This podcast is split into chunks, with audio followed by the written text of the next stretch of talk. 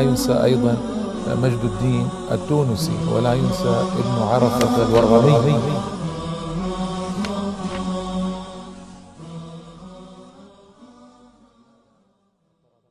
بسم الله الرحمن الرحيم. الحمد لله رب العالمين والصلاة والسلام على سيدنا محمد النبي الأمي الأمين وآله وصحبه أجمعين.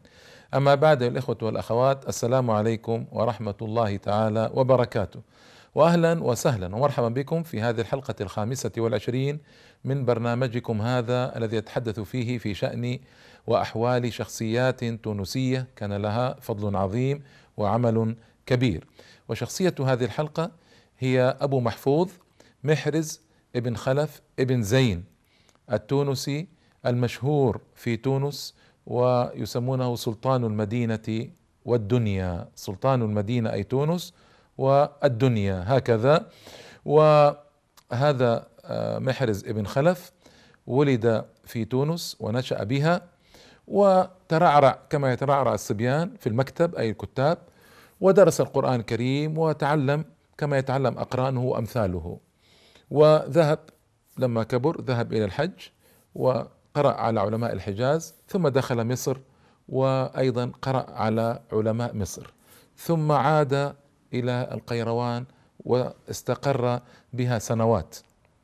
ثم تردد بين القيروان وتونس إلى أن توفي بتونس رحمه الله تعالى عن سبعين سنة وذاك سنة 413 آه، للهجرة يعني قبل ألف وعشرين سنة قبل ألف وإحدى وعشرين سنة بالضبط وذاك لمن ضيع التاريخ الهجري. سنة 430 للهجرة قبل 1021 سنة رحمة الله تعالى عليه.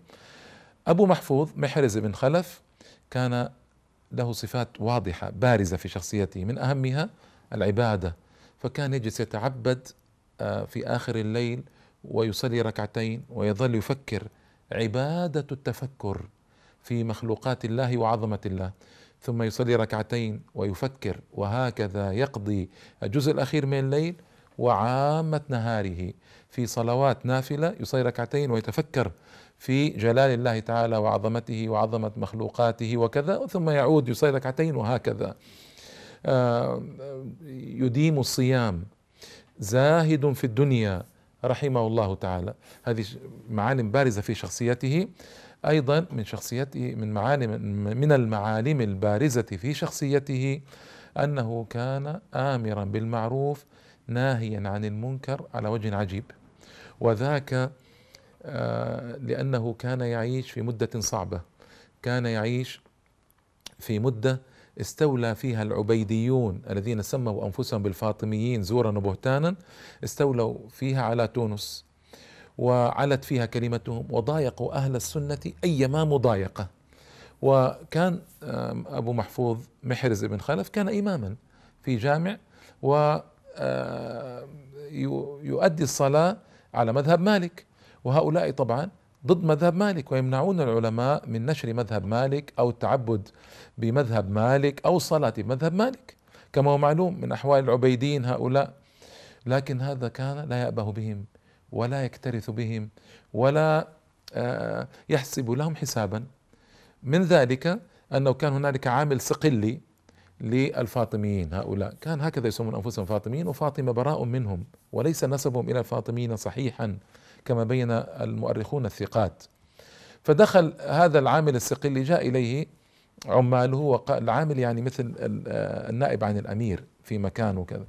فقالوا له إن أبا كسية هكذا يقولون أب أبو كسية يعني من باب الاستهزاء به والسخرية منه إن أبا كسية لا يؤذن بحي على خير العمل ولا يبسمل في الصلاة ولا يسلم تسليمتين ولا ولا وصاروا يعدون عليه آه، الأشياء التي آه، يخالف بها المذهب المالكي مذهبهم فغضب الصقلي وأمر به.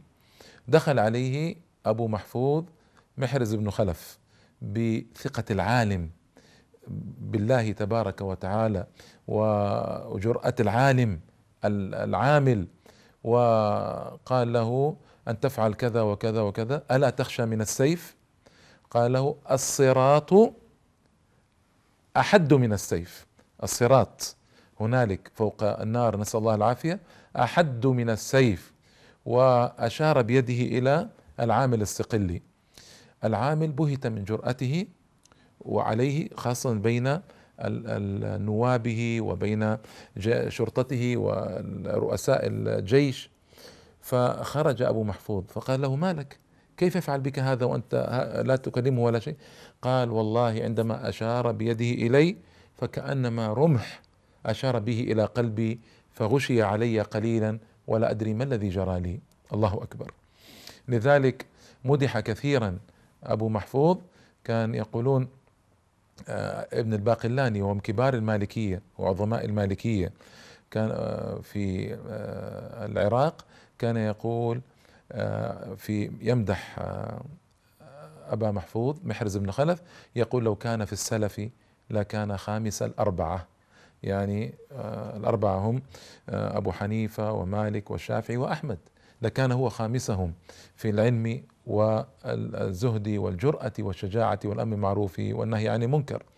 ثم إن آه، أبا الحسن القابسي أبو أبو الحسن القابسي إمام كبير في تونس وله آه، إمام من أئمة السلف الكبار وله أثر كبير. أبو الحسن القابسي فعندما يمدح آه، أبا محفوظ محرز بن خلف إنما يمدحه بدين ولا يمدحه بمبالغات. فيقول إن عمد الدنيا عمد عمد جمع عمود يعني إن عمد الدنيا أربعة وأبو محفوظ محرز بن خلف منهم أو واحد منهم لا إله إلا الله مدحه آه، أقرانه من السلف مدحا كبيرا وعظيما. جاء إليه طالب جاء إليه طالب قال له إن باديس فرض علي دراهم ثقيلة يعني ضرائب وأنا لا أستطيع.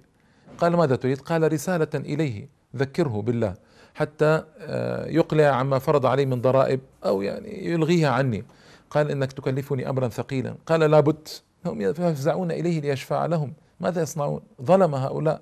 ويحتاجون إلى من يشفع لهم عند الظلمة فأرسل إليه آه، أبو محفوظ محرز بن خلف رسالة يذكره بالله ويذكره بالدار الآخرة ويذكره بالقبر ويذكره بالجنة والنار حتى أن باديس أسقط الضرائب عن ذلك التلميذ المسكين. وهكذا العلماء بشفاعتهم ووجاهتهم تنجو البلاد ويسعد الناس. لكن من العلماء؟ العلماء العاملون الذين يعملون بعلمهم مثل أبي محفوظ رحمه الله تعالى. وكان له اليد العليا في تطهير تونس. كيف؟ لما حصل في سنة 407 أنا قلت لكم توفي سنة 413 قبل وفاته بست سنوات لما حصل التطهير التام لتونس من العبيديين. ولله الحمد والمنة وقام وقام أهل تونس يتخلصون منهم قتلا وذبحا لأنهم ساموهم سوء العذاب وقتلوا من علماء تونس وصالحي تونس وعباد تونس أكثر من أربعة آلاف شخص. هذا قتلوهم صبرا يعني وعذبوهم صبرا يعني حبسا في المهدية على ساحل البحر في سجن يسمى دار العذاب نسأل الله العافية. وهذا خلاف ما فعلوا من المظالم التي لا تعد ولا تحصى في تونس. فلما انقلعت الدولة إلى مصر وأسسوا هنالك الخلافة التي سميت بالفاطمية زورا وبهتانا وأوكلوا أمرهم إلى بعض عمالهم انتفض أهل تونس على هؤلاء بقايا العبيديين وطهروا الأرض منهم. كان لمحرز ابن خلف اليد العليا بفضل الله تعالى في توجيه أهل تونس ليطهروا الأرض من هؤلاء وأفتى بقتلهم وتطهير الأرض منهم وكان له منزلة في تونس وكلمة مسموعة لذلك عمد أهل تونس إلى العمل بهذه الفتية وفعلا استطاعوا التخلص من هؤلاء العبيديين فضل الله تعالى وتطهرت الأرض منهم. لما علم باديس بذلك حنق حنق على آه، آه، أهل تونس وحنق على أبي محفوظ بعينه ومحرز بن خلف وأتى ليحاصر البلد. لكن الله سبحانه وتعالى ما أمهله. دعا عليه محرز بن خلف وكان مستجاب الدعوة لا إله إلا الله. دعا عليه آه، ألا يدخل تونس وأن يصاب بشيء يمنعه من الدخول. في الليل سبحان الله له سيف أعده قال غدا أضرب به أهل تونس حتى أكسره. و آه، السيف وينقلب عليه في الليل ويذبحه السيف. لا إله إلا الله. وينجو أهل تونس من المذبحة التي أعدت لهم. بفضل الله ثم بدعوة الشيخ الولي أبي محفوظ محرز ابن خلف.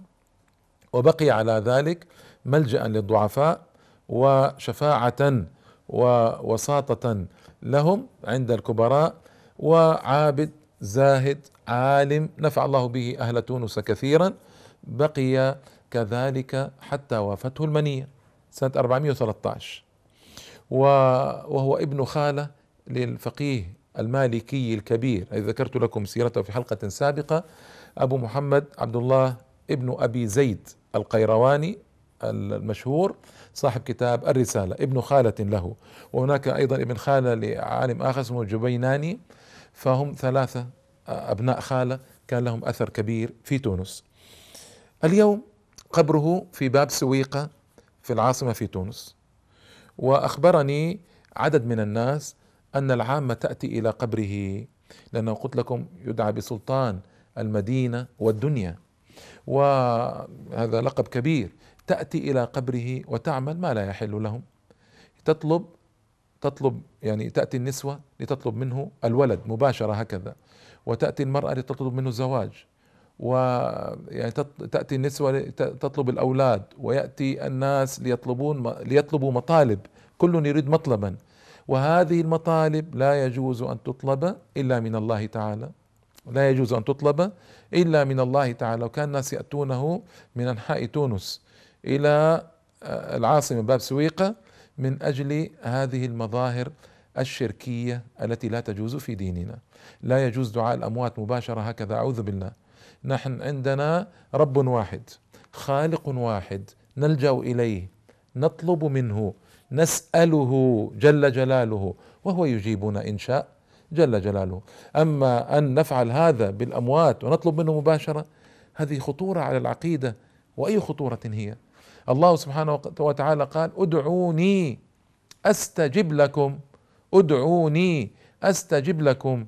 أما أن يأتي الناس إلى القبر ويتبركون به ويتمرغون ويطلبون من صاحبه ولو كان وليا ولو كان من أعظم الأولياء ولو كان نبيا مهما كان ما يطلب منه مباشرة على هذا الوجه. أين الله اذا نحن إذا جعلنا العامة والناس يطلبون من الأولياء. إذا من سيطلب الله تعالى؟ هذه هذا خدش في العقيدة وأي خدش هو. والعلاقة بين الخالق والمخلوق إله واحد رب واحد خالق واحد ومخلوقون مربوبون. إله يرزق ويعطي سبحانه وتعالى يرزق في الليل والنهار ويعطي من النعم الشيء الكثير جدا وخلق يسألونه. هذه هي العلاقة بين الخالق والمخلوق ومن أجل هذا خلق الله تعالى السماوات والأرض وخلق الناس وطلب منهم أن يدعوه. وكما قال النبي صلى الله عليه وسلم من لم يسأل الله غضب عليه. أو كما قال بأبي وأمي صلى الله عليه وسلم إن الذين يستكبرون عن عبادتي أي لا يسألونني سيدخلون جهنم داخرين.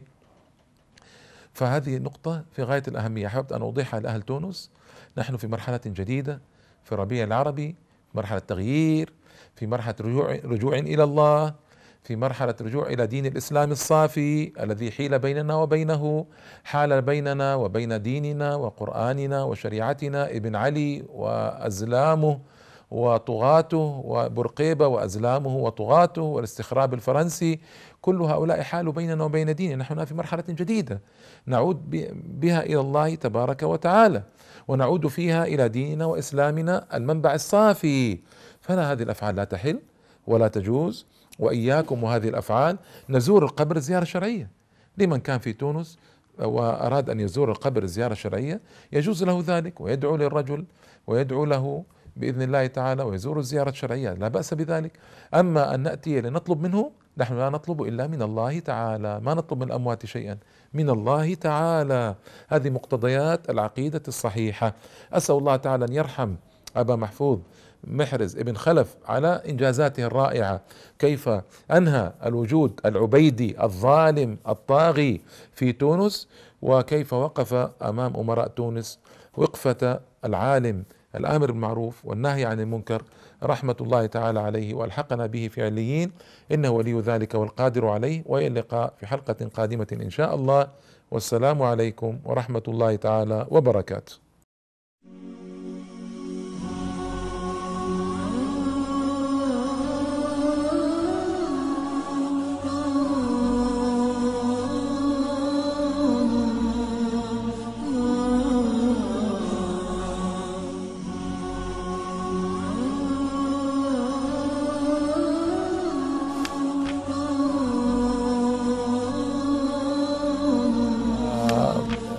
لا ينسى أيضا مجد الدين التونسي ولا ينسى ابن عرفة الورغمي